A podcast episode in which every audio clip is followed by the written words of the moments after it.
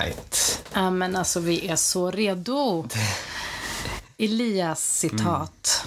Elias, fem och ett halvt år gammal. Jag säger. Elias, snälla samarbeta. Jag kommer aldrig att hinna med allt idag. Okej. Elias säger. Är du stressad? Ja, svarar jag. Elias säger. Lyssna mamma. Jag stressar inte dig. Du stressar dig själv. Det är sant. Det är facts. Vad har jag gjort dig liksom? Ja, men det är så sant. Man äger ju- ju man äger sin egna stress. Hur gammal liksom. var jag? då? Sex år gammal? Fem och ett halvt. Så klokt. Hur stressar jag dig? Nej, men det, det är därför jag har skrivit ner citatet. Det fick mig verkligen att, att tänka till. Att eh, man bär sin egen stress. Det är klart att det finns situationer runt omkring som stressar en. Eh, man har saker man ska göra. Men i slutändan, det du kanske inte tänkte när du sa det var ju så här, jag hade kunnat förbereda mig bättre, jag hade kunnat jobba lite mer med min egna stressnivå. Uppenbarligen hade jag saker jag behövde göra på en viss tid. Jag minns inte exakt i vilken situation det här var. Men det är ju inte, alltså man väljer ju många gånger hur man ska liksom förebygga sin stress, hantera sin stress och vad man lär sig av stressade situationer för att göra annorlunda. Så du nailade det redan då liksom. Ja, vad bra. Ja. Det var Elias citat för dagen.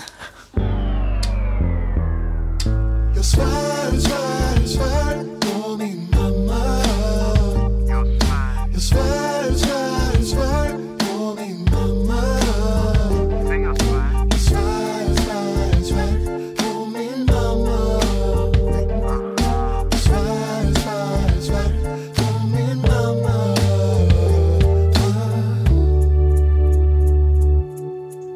härligt groove.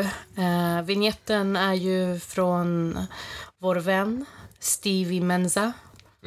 Fantastisk person. Det är f- Vilken ära att eh, vi har fått vignetten just av honom. Verkligen. Cred till dig Stevie, tack. Ja, temat idag, Elias. Vad Eh, blir det för tema? you know it's coming. Jag tänkte att vi skulle snacka lite om eh, temat pinsam morsa. Mm, du Okej. skakar på huvudet. Det finns många sådana tillfällen. Okej, okej. Och jag tänker att jag ska försöka eh, leta i mitt minne också över stunder där jag tyckte att det kanske blivit lite eh, pinsamt i situationer där du har varit med.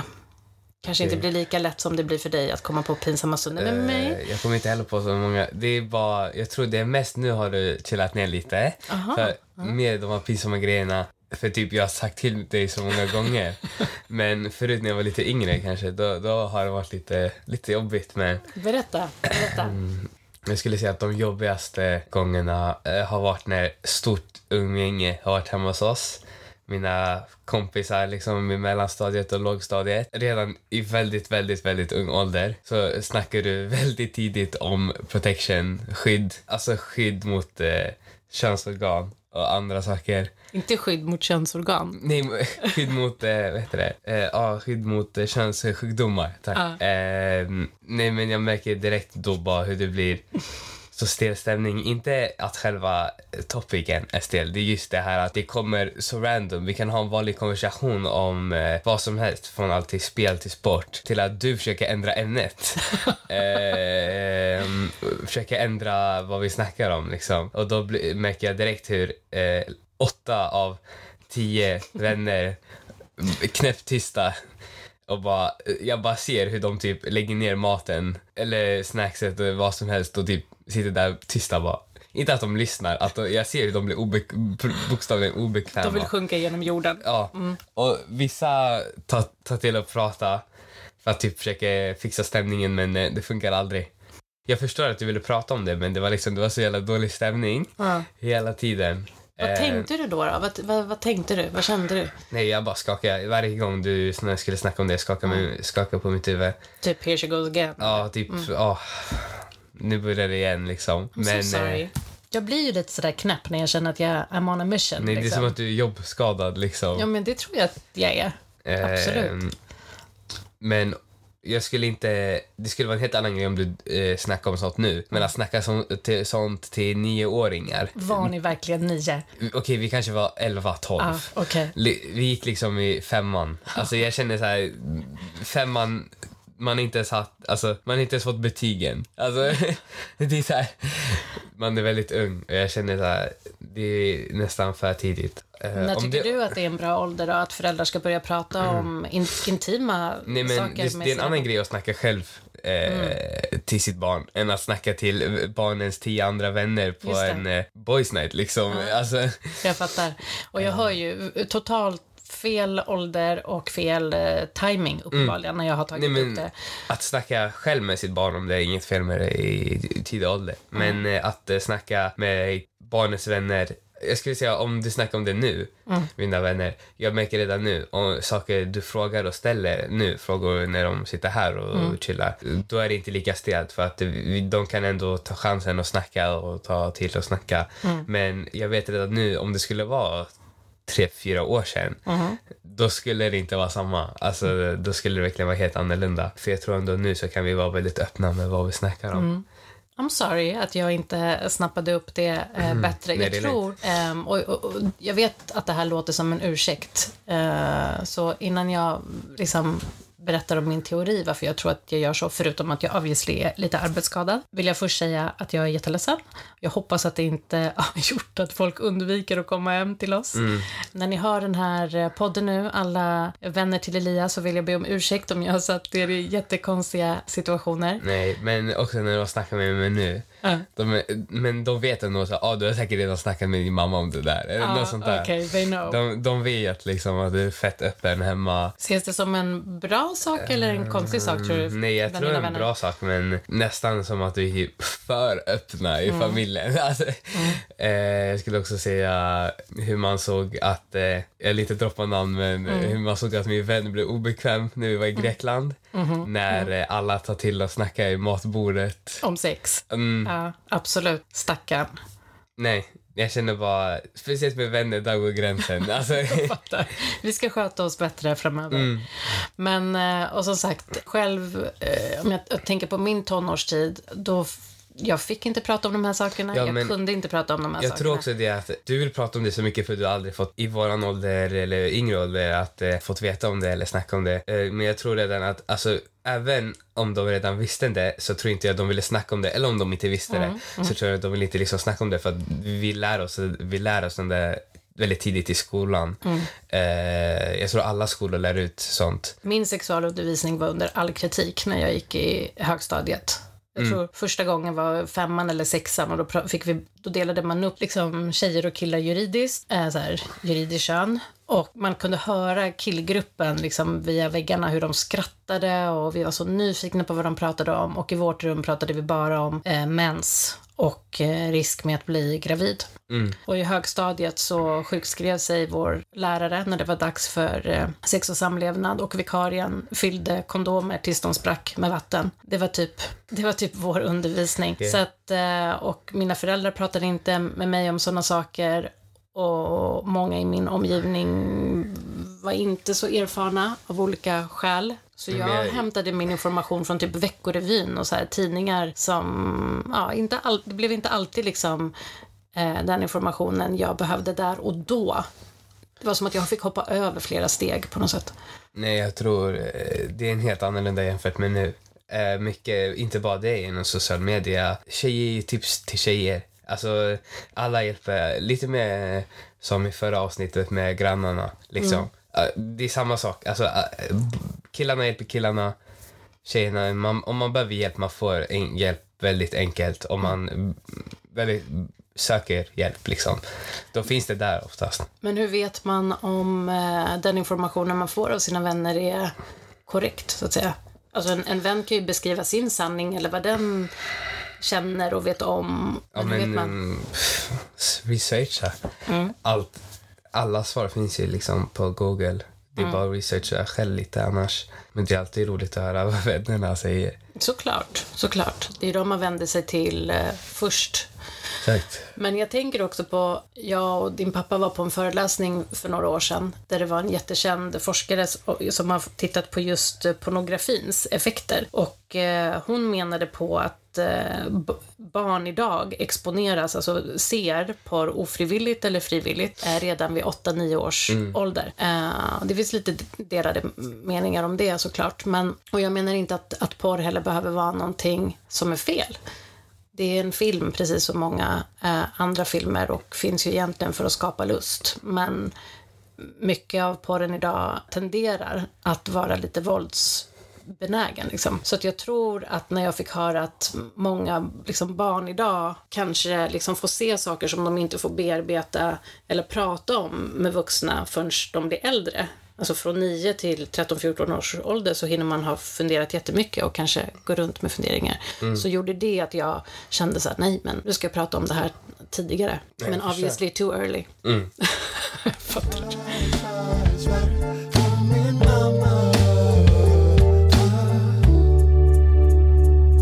Okej, så det är ett exempel på när jag varit pinsam morsa. Kan du eh, komma på något mer? Det kan du säkert. Jag måste säga, varje gång... Jag vet inte, bara när du och pappa, inte bara du, men du och pappa försöker vara typ så här trendiga och vara helt i våran ålder typ när boysen är... Inte, inte nu men förut kunde det vara väldigt mycket så här ja. Det låter som att vi har förbättrat oss ganska Ja, mycket. ja, ja. ja. Men- men vad men du försöker passa in. Alltså, ni försöker typ passa in, som att ni var utstötta. Hur gjorde vi då? Påminn mig. Ni försökte klä som oss. Ah, var det när vi köpte så Adidas tracksuits till alla i familjen? Men pappa förstod direkt. Det var bara cut off. Alltså. Really? Han går ju fortfarande i sin Adidas fast tracksuit. han, han... Det där är hans soft outfit. Okej, vadå? Jag går så till jobbet eller? Nej. Nej. Du chillar också med dina softkläder. Men det, jag menar bara, jag vet inte, men det kändes bara då som att ni försökte liksom passa in. Men eh, annars, jag tänker på skämmiga stunder eller situationer. Jag måste säga typ, jag skäms varje gång du ska typ hypa upp mig innan en match. Okej om det är mitt i matchen. Du säger okej kör Elias. Alltså sen lite i fotboll. Men typ så innan match, innan ens matchen har börjat. Att du ska börja typ skrika och nej nej nej. Det är så här, ah. Då skäms du. Ja, det kan jag. Fattar. Jag behöver vara lite mer low key liksom. Chilla lite. Men sen eh, med, när matchen är igång, då är det inget fel. Så när jag gör så, då säger du jag svär på min mamma, det där är inte min mamma. Nej, då säger jag, jag svär på min mamma att jag måste ta ett snack med henne sen. Alltså, ja. jag kan, det finns ingen bortförklaring att det där inte är min mamma om hon skriver mitt, skriker mitt namn. Det är sant. ja, du kan alltid dra the crazy aunt-kortet eller något sånt. Ja, något sånt. Nej, men eh, jag tror att det finns betydligt fler tillfällen där du har tyckt att jag har varit jättepinsam. Men eh, tack för att du delar med dig. Det är bra. Någon gång, jag tror du besökte våran klass någon gång. Ja, let it, let Och du it satt, out. satt, satt inte du längst bak i Yes, klassrummet? I did. Oh, vad jag skämdes då faktiskt. Mhm. Bara för att du var där. Alltså, Mm. Inte för att det är något fel. Jag vet inte ens varför du ville vara i vår klassrum. Var, varför ville Well, I du... can tell you. Säg, det berätta. Var, det var för att det var en period i ditt liv där det var lite svårt för dig att koncentrera dig i klassen. Och där Ah. Okej, vänta. läraren- Var, var det du eller var det läraren som Nej, ville? det var läraren som informerade mig om att det fanns ett visst mönster som gjorde att, eh, Vad var mönstret? att du gjorde så att ingen annan kunde koncentrera sig på lektionerna. Och då kände jag, det var två sidor eller tankar i mig. Det ena var ett, läraren har fel, det här kan inte stämma. Två, om det stämmer så behöver jag få se det med mina egna ögon och Okej. förstå vad det är det Okej, handlar okej, om. Ja, så det var det. Vad såg du då? Såg du ett mönster? Man är ju lite sådär jävig som morsa, men, men jag tyckte att jag såg ett för mig var det så här, det är ett glatt barn som tycker om att vara i skolan och har så mycket roliga saker att prata om med sina fantastiska vänner. Och att alla lektioner är inte intressanta för alla. Alla, alla, jag kan säga direkt alla, sen liten, jag det ännu. Mm. Men liksom, det är inte som att man ger upp. Men jag vet redan nu, jag kommer ihåg det där, lite av det där själv, att det var alltid jag som fick skiten för typ att prata med andra eller något. Då var Mm. Ja. det så här, men de där andra i sidan klassrummet har snackat hela lektionen. Förstår du vad jag menar? Mm. Jag. Eh, som att man hoppar på mig direkt. Men jag förstår. Jag, jag, jag snack, alla snackade jättemycket i klassen. Mm. Men just att man hoppade på mig, man känner sig hotad efter en stund. Jag förstår det. Och det var väl därför jag ville liksom titta både med ett så här, om det ens går att vara objektiv, men med ena ögat ville jag se hur blir det för läraren. Men det viktigaste ögat, om man nu har ett viktigare öga, men ni förstår vad jag menar. Vad, vad är det som händer i den här miljön som gör att jag och läraren kan samarbeta bättre för att det ska bli bra för dig och, och för alla andra. Sen tror jag faktiskt att du har haft lättare att, att, att koncentrera och lyssna på den där personkemin mellan dig och läraren är Men det är bättre. kanske också eh, en helt annan grej eftersom, vadå, nej, vilken årskurs var det här? Var det Var det en, trean, fyran? okej, om man kollar då, läraren då, Mm. Exakt. vad Vi behöver gillade, inte säga någon namn. nej men om jag säger bara, det handlar också mycket om läraren. Självklart. Många, jag kan säga redan då, många gillade inte den läraren. Nej. Och det är för att läraren kanske inte, inte att den inte lär ut dåligt, men att den inte, du vet, man kan inte bara lära ut bra och tro att det är det bästa. Man måste ju bygga ett band med alla i klassen. Självklart. Eh, och det är också tror jag, därför läraren slutade året efter. Direkt när vi fick läraren efter, att vi var så nöjda för att vi kände aldrig att det där var bara, det var bara en lärare som lärde ut. Det var inte en som man kan eh, liksom skratta med eller eh, sådana man kan snacka med om sina hobbys eller vad som helst. Ja, men jag håller med. Och, och när det blev en ny, eh, ett nytt arbetslag sen i femman, Mm. tror jag, då förändrades ju allting. Sen är det klart, man växer och man mognar och liksom Ja, man, utvecklas. Man men, äldre. Men. men personkemin mellan dig och de lärarna, det förändrade ju liksom allt i klassen Mm. och för dig. Och, Nej, kan du beskriva vad var det de lärarna gjorde och sa som förändrade ditt sätt att orka med skolan? Eh, jag tror, alltså, jag kan säga i fyran då var det också nya lärare. Jag tror de slutade också. Nej, jag tror det var i fyran de, de där lärarna Ja, slutade. det. Eh, Men när vi fick lä- nya lärare i femman, hela årskurs fyra var jätteknas, Mm. kommer jag ihåg. Men i femman, jag kommer ihåg, när vi fick de här nya lärarna, det som var att inte bara de hade så bra flyt, de hade, jag tror de, att de hade så bra flyt var att de var inte så gamla. Mm. Vad var de? Runt 25-30. Men liksom. exakt, väldigt unga. Och även att eh, de är uppvuxna liksom, vi är i samma, samma samhälle. Liksom. Vi har samma bakgrunder. Och då, vi, kan liksom, vi kan prata med dem om mer saker, relatera mer. Eh, vi kan, även om du skulle vara en äldre person, vi kan ändå relatera till dem mer. Vi kan snacka om dem mer, om vad saker som de kommer koppla om. Men även att de kunde liksom få oss att garva och att eh, vi mycket så här, de säger till om vi pratar för mycket. Men jag menar att alltså, de, de kunde ändå garva hos oss. Eller garva med oss. Alltså förstår jag menar? Och sen typ så här, okej nu jobbar vi. Nej, nej, nej. Förut det kunde väldigt vara så här sträng sig, sträng bara jobba, jobba, jobba, jobba. Eh, inget, inget eh, garv, inga skämt, ingenting, ingenting. Det jag såg med det här nya arbetslaget var att, precis det du är inne på, de, de investerade i relationen till er. 100 procent. De, de byggde starka De- band, de, de- såg er som individer. Exakt, de tog deras egna fritid, liksom, inte ens jobbtid, för att se till att vi mådde bra. Alltså de tog, eh, de tog tid som inte ens de får betalt för. Liksom. Och så ska det ju inte behöva vara. Nej, Jag men tänker- jag säger bara att det visar på att de ställer upp, ställer, Verkligen. ställer upp för oss. Verkligen. Och allt vi säger nu, vi, alltså vi förstår ju, lärare har idag en alltså väldigt svår uppgift. Det är stora klasser, Mm. det är liksom stora behov hos individer och hos grupper. Eh, så vi fattar att det är ett liksom mission impossible många gånger. Men det jag kan se också i, i, i mitt jobb är att i och med att det är mycket så administration och, och stora grupper och andra utmaningar, både i strukturen liksom på många skolor men också i samhället, gör att eh, de mäktar inte med. Och de här relationerna blir liksom secondary på något sätt. Och det gör att ungdomar idag i och med att skolan bidrar till så mycket stress, man får betyg redan i årskurs 6 och liksom man kan tappa framtidshoppet rätt tidigt. Många av de ungdomar jag träffar idag i samtal känner någon oerhört stor stress i Men jag, skolan. jag tror alltså bakgrunden till allt det här, man kan få en galet bra utbildning på en skola som inte är i, i stan. Alltså jag tror det handlar mest om läraren som måste bara bonda med eleverna.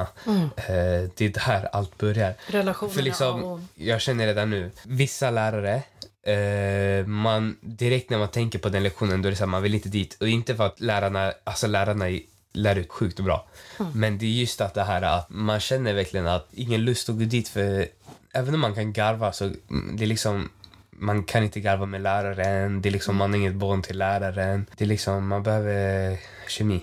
Och det pratade vi mycket om när vi utbildade i föräldragrupper eller höll i föräldragrupper. Så kommer du ihåg den här fem ettan som jag alltid brukade prata om? Att om en relation ska funka och ett samarbete ska funka och kommunikation som du var inne på liksom i, i förra avsnittet så behöver man liksom, det måste övervägande vara positiv kommunikation. Att visa uppskattning, att lysa med en ficklampa rent liksom symboliskt på det som funkar.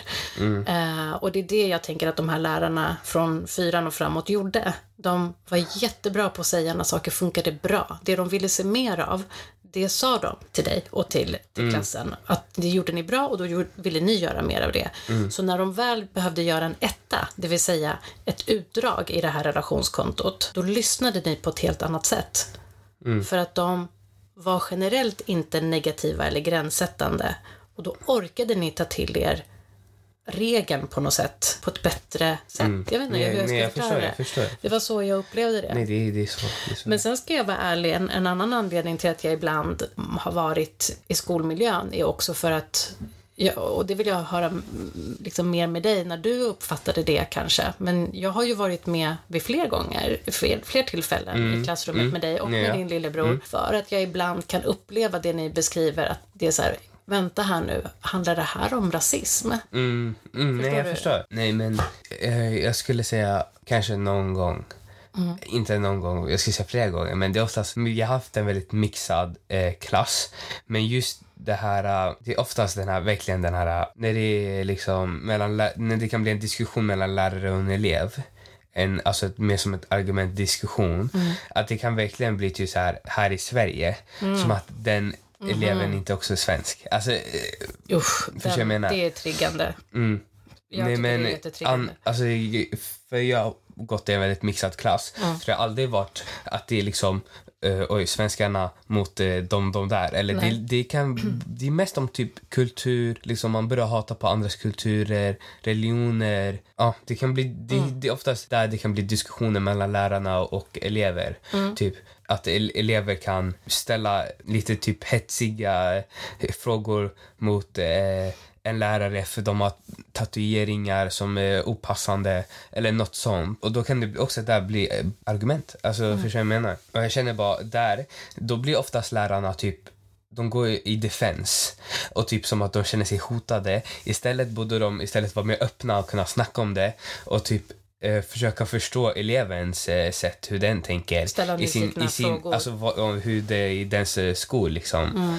Istället för att gå i defense och känna sig hotad. Ja, men vara det är ändå vuxna, det är fortfarande liksom. ett barn Ja, liksom. det är så här, de sätter i dens eh, situation. Mm. Nej, det, det är så det är. Ja, Att, eh, det är så jag har känt mycket, att läraren känner sig hotad istället för att försöka förstå Mm. eh, elevens eh, situation.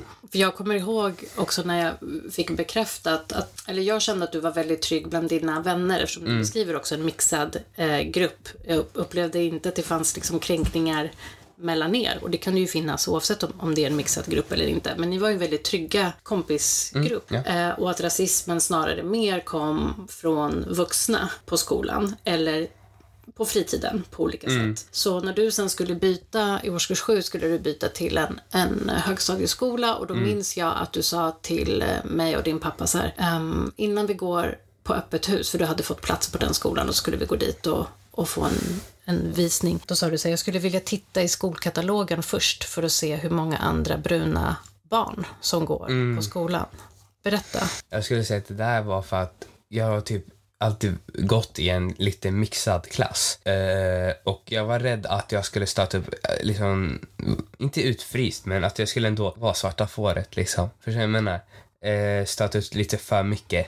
Inte att eh, jag blir utfryst eller något, bara att jag är inte som de andra på det sättet. Jag har inte fått samma uppväxt, jag har inte fått samma samhälle, inte från samma samhälle, samma, eh, vad säger man, resurser, tillgång, eh, allt. Förstår du vad jag menar? Eh, så jag var, jag var bara rädd att jag skulle inte hitta någon som jag klickar med. Eh, men jag, jag tog ändå chansen för jag kände, vi hade ju någon granne som där, snackade om bra utbildning och sånt. Så Mm. jag kände ändå, okej, det är kanske dags. Eh, så jag tänkte, jag ger det en chans liksom. Mm. Ja, för jag var redo att byta direkt om jag kände mig obekväm. Mm. Men när jag gick där första veckan ganska skeptisk.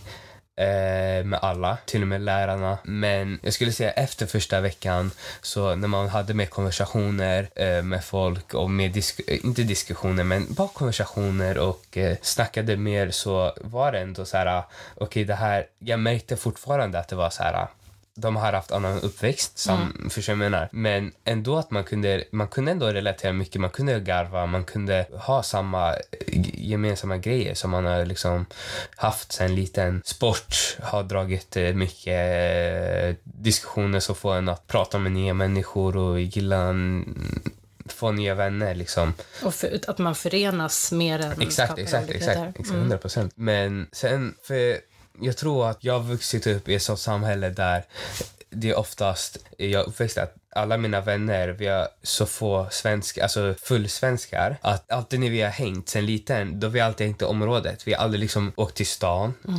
Jag, liksom, jag har inte varit, första gången jag var i stan utan familj, det var liksom i sjuan. Förstår du? I åt, sjuan och åttan. Mm, jag vet. Eh, och då var det verkligen så här... Men jag tror att just med mina vänner, det var mer att vi tänkte typ så okej stan är bara för de här. Eller där, det här stället är bara för de där. Vi stannar här, vi bor här, det här är vårt samhälle liksom. Så när jag, när jag började i den här skolan, då var det mer som att jag kände, okej de, här, de där kanske direkt ett hat mot mig. Jag trodde att de där liksom hatade mig direkt när jag såg dem. Så här, bara, okej de där har något emot mig. Men det är helt fel liksom. Det är bara att man visar till de, de här personerna som direkt kanske har en åsikt om en. Att man visar verkligen, jag kan, jag kan bete mig. Jag är inte som eh, du tror. Liksom. Eh, Jo, det för så många, det behöver inte vara att vi bara, de jag hängde med har åsikter om helsvenskar. Mm. Hel, helsvenskar har 100% åsikter om och som är mig som, kommer, som bor liksom längst utåt. Röda och det, linjen, liksom. Exakt, det är då jag måste liksom, det är då man ska bara bevisa så här, jag är exakt som er. Ingen skillnad Mm. alls. Samtidigt som det ju faktiskt finns skillnader. Det finns ju skillnader 100% Mm. men man kan fortfarande relatera till mycket. Självklart. Självklart. Men jag tänker att det handlar mycket om eh, mötet med människor. Att det är när vi ses och träffas och pratas över gränser. Alltså, då menar jag gränser, eh, vilken linje man bor på, vilken generation man tillhör, vilken klass man tillhör. Det är när vi ses och pratar och är genuint öppna för både likheter och olikheter som förändring på sikt kan skapas. Det är ingen liksom, kortsiktig eh, lösning. Generationer av hat tar liksom lite tid att jobba sig förbi på något sätt.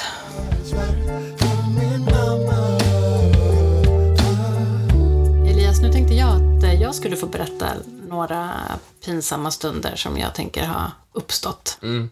Också jättesvårt att hitta faktiskt. Ehm, men en sak jag vet att jag tyckte var pinsamt, men som mer handlade om min osäkerhet som, som förälder. Också ganska ung förälder. Jag var 26 när jag fick det. Var att varje morgon när vi skulle till eh, förskolan och vi kom in på gården där så vägrade du hälsa på personalen. Det var liksom, du hade bara bestämt dig för att aldrig hälsa på personalen. Gjorde jag aldrig det? Never. Aldrig? Never. Och då sen när? Alltså hur länge? Alltså jag tror typ kanske sista året på förskolan att du ville säga hej till några. Speciellt till en som, som du liksom fick ett starkt band till. Men, och jag vet att jag blev så stressad av det. Jag tyckte det blev pin, en pinsam situation för att några eller många pedagoger gjorde det också till ett problem. Typ att, så här, att de lite skulle fostra dig. Så här, det är jätteviktigt att titta i ögonen och, och säga hej. Och så istället för att liksom backa upp dig och att du behövde space och göra på ditt sätt så blev jag så påverkad och så här, ja, men lite skulle säga till dig också då där på, på samma plats. För att jag tyckte att det blev pinsamt. Men hur reagerade jag då? Eller alltså hur Men var det för såklart mig? blev det inte bra för dig när både de sa till dig och jag sa till dig. Mm. Det, vi signale- signalerade ju allihopa, du får inte vara den du är och du, du behövde säkert en liten startsträcka för att liksom Nej, bli men bekväm. jag tror bara... Jag vet också själv, sen liten så har inte man kanske gillat att hälsa på, även fast man känner dem, Mm. kanske inte hälsa på det sättet som de, de vill att man hälsar på dem. Så här, jag vill göra på mitt sätt. Och så var det ju även när släktingar kom hem till Ja, oss. Att de 100%. ville gärna liksom pussas och kramas och du var aldrig bekväm Mm. med det. Eh, och där tyckte jag också att det blev pinsamt. För att jag kände att jag ville att alla skulle Mm. Ja, men bli då nöjda kände, fast då på kände din jag också så här, bekostnad.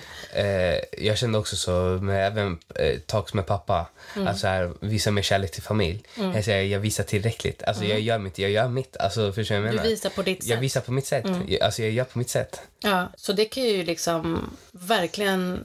Att, att skämmas över något blir ju inte bra för någon, men jag kan verkligen tänka tillbaka på det och, och önska att jag hade kunnat göra annorlunda idag med den erfarenheten och kunskapen jag har. Sen är det en sak så här, att jag kan vara teoretiskt kunnig inom flera områden när det gäller barn eller ungdomar, men sen när det kommer till mina egna barn så gör jag ju hur mycket fel eh, som helst. Liksom. För det är andra känslor som tar, Mm, Nej, eh, tar över. Nej, men också så här, jag märker ju själv, okej om, om, jag, om jag känner för att krama den, då kramar jag den. Mm. Men om, om jag vet, alltså jag kanske inte, jag säger inte att jag är bekväm, eh, att jag inte är bekväm med den och den och den. Mm. Men det är ändå så här, det är helt annorlunda från eh, person till person i familjen. Om jag väljer att sträcka fram handen, då gör jag det. Mm. Exakt. Förstår jag menar? Jag, det betyder inte att jag gillar den personen mindre. Nej. Mm. Jag kommer fortfarande, det är fortfarande familj. Förstår du vad jag menar? Eh, det är just det här att om jag märker att jag kanske blir stel eller att jag typ spänner mig av en kram eller att Exakt. något sånt, då är det ju inte 100% med den personen. Alltså jag är inte bekväm så på det sättet med Nej. den personen. Nej. Och jag är inte så med många. Det är ju oftast bara nära vänner och Mm. jag skulle säga Alltså, jag kan inte säga exakt vilka, men det är oft, inte ens nära vänner Mm. Nej, jag är 100% bekväm till. Och jag känner, eh, det är inte bara det sättet man behöver visa kärlek till den personen. Mm. Jag känner att jag visar mer kärlek genom ord. Verkligen, man måste få visa på sitt sätt. Och Ja. jag är jätteledsen verkligen att jag inte stod upp mer. Alltså jag var så upptagen i perioder av hur det fick mig att känna som förälder så att det liksom gick över ehm, gick, gick ut över dig. Att jag inte liksom skyddade dig i situationstecken tillräckligt. Och en sak som förändrade det var, det var en pedagog faktiskt som började sen på den förskolan. eh, Där jag nästan så hör, eller jag hörde inte, jag hörde mig själv säga till den pedagogen. "Ja, eh, jag är ledsen att han inte hälsar på dig. Eller något sånt. För att jag tyckte det var så pinsamt. Och då säger hon så här.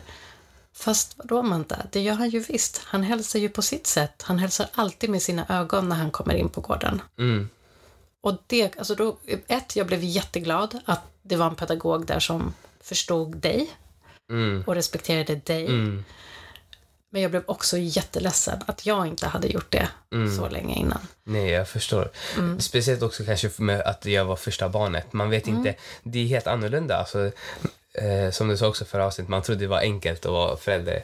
Men Exakt. alltså, alla sin, barn kommer alltid ha sina eh, gränser eller sina eh, personliga, vad säger man, personliga preferenser. Exakt. Alltså, och personlighetsdrag. Ja, exakt. Du har alltid varit, liksom, du vet att vi har en jättestor släkt och familj och de kommer ofta hem till oss för Mm. det är det bästa vi vet. Men efter ett tag vill du gärna gå in på ditt rum och ha lite liksom, Mm. men jag älskar, en, jag älskar ändå att prata. Ja, men du Det- älskar det- känslan av att ha dem Exakt. hemma, men du Ja, behöver ja, inte ja. vara mitt i smeten. Liksom. Ja, exakt. Jag, jag älskar att prata med familj, vänner, allt. Men just det här ehm, efter en stund, då, då är det typ nice att gå in i mitt rum, egen space, bara typ andas min egna luft. Lite mer på det sättet. Det är inte, inte att jag vill hänga med dem.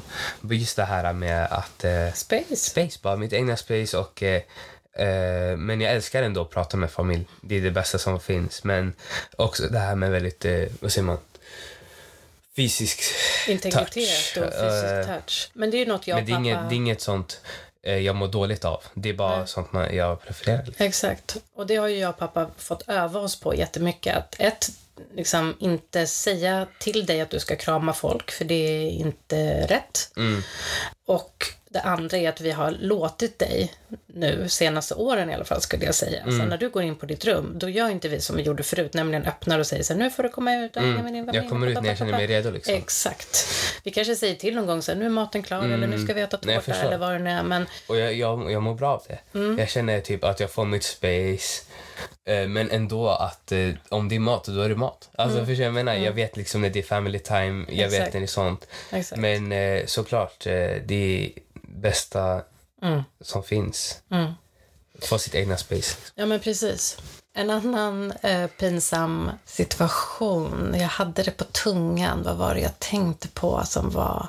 Jo, men det är när du har sagt så, ja, nu kommer det, nu ska jag dela med, dig, med mig. Men det går tillbaka lite till när jag ibland läser den här citatboken. Vi inleder ju också varje avsnitt med ett Elias-citat, men det är klart att det har hänt att du säger väldigt roliga och lustiga och ibland knasiga saker till andra utanför familjen som man har behövt svara upp på. Så här, till exempel så eh, vet jag att ja, men vi hade en eh, en av mina systrar dejtade en eh, kille i, i Amsterdam, eller i Holland. Mm. Och eh, vi skulle åka dit och, och hälsa på honom. Och eh, du hade the time of your life den helgen när vi var där på besök. Och då skulle ju du såklart berätta om det på förskolan. Mm. Så när jag kommer och hämtar dig en dag så säger personalen så här, ja, vi behöver prata med dig om den här Amsterdamresan ni gjorde. Så, ja, absolut. Då hade du sagt så här, vi var och hälsade på min mosters kille i Amsterdam och han var jättehög. Så de blev ju lite oroliga att vi hade gått runt och hängt med någon superpåverkad person hela helgen. Det du menade var ju att han var, jätte, han var jättelång. Och du hade fått sitta på hans axlar. ehm, Och jag var jättelång. och du var så högt upp i luften. Jag minns du var fyra år eller något sånt och eh, såg världen från två meters höjd typ. Ehm, så du hade sagt att han var jättehög och de ville checka läget. Det tyckte jag var jättepinsamt men jättekul samtidigt såklart. På tal om att det kan bli missförstånd. Ja, Ja, Elias, tack. Jag svär på min mamma Elias att det här är bland det bästa jag vet att få sitta och ha sådana här samtal eh, med dig. Eh, Du är klok och jag är så stolt över att ha dig som son. Och eh, nu låter det som att vi tycker väldigt lika om många saker, men det kommer att bli tydligt sen i fler eh, avsnitt framöver att eh, väldigt ofta så tycker vi inte lika om olika grejer. Och det kommer vi komma till lite längre fram. Så stay tuned hörni. Lyssna på Jag svär på min mamma. Vi uppskattar Exakt. er. Och vi svär på våra mammor att vi uppskattar er, eller hur? ja exakt. Take care. Peace. Svär the.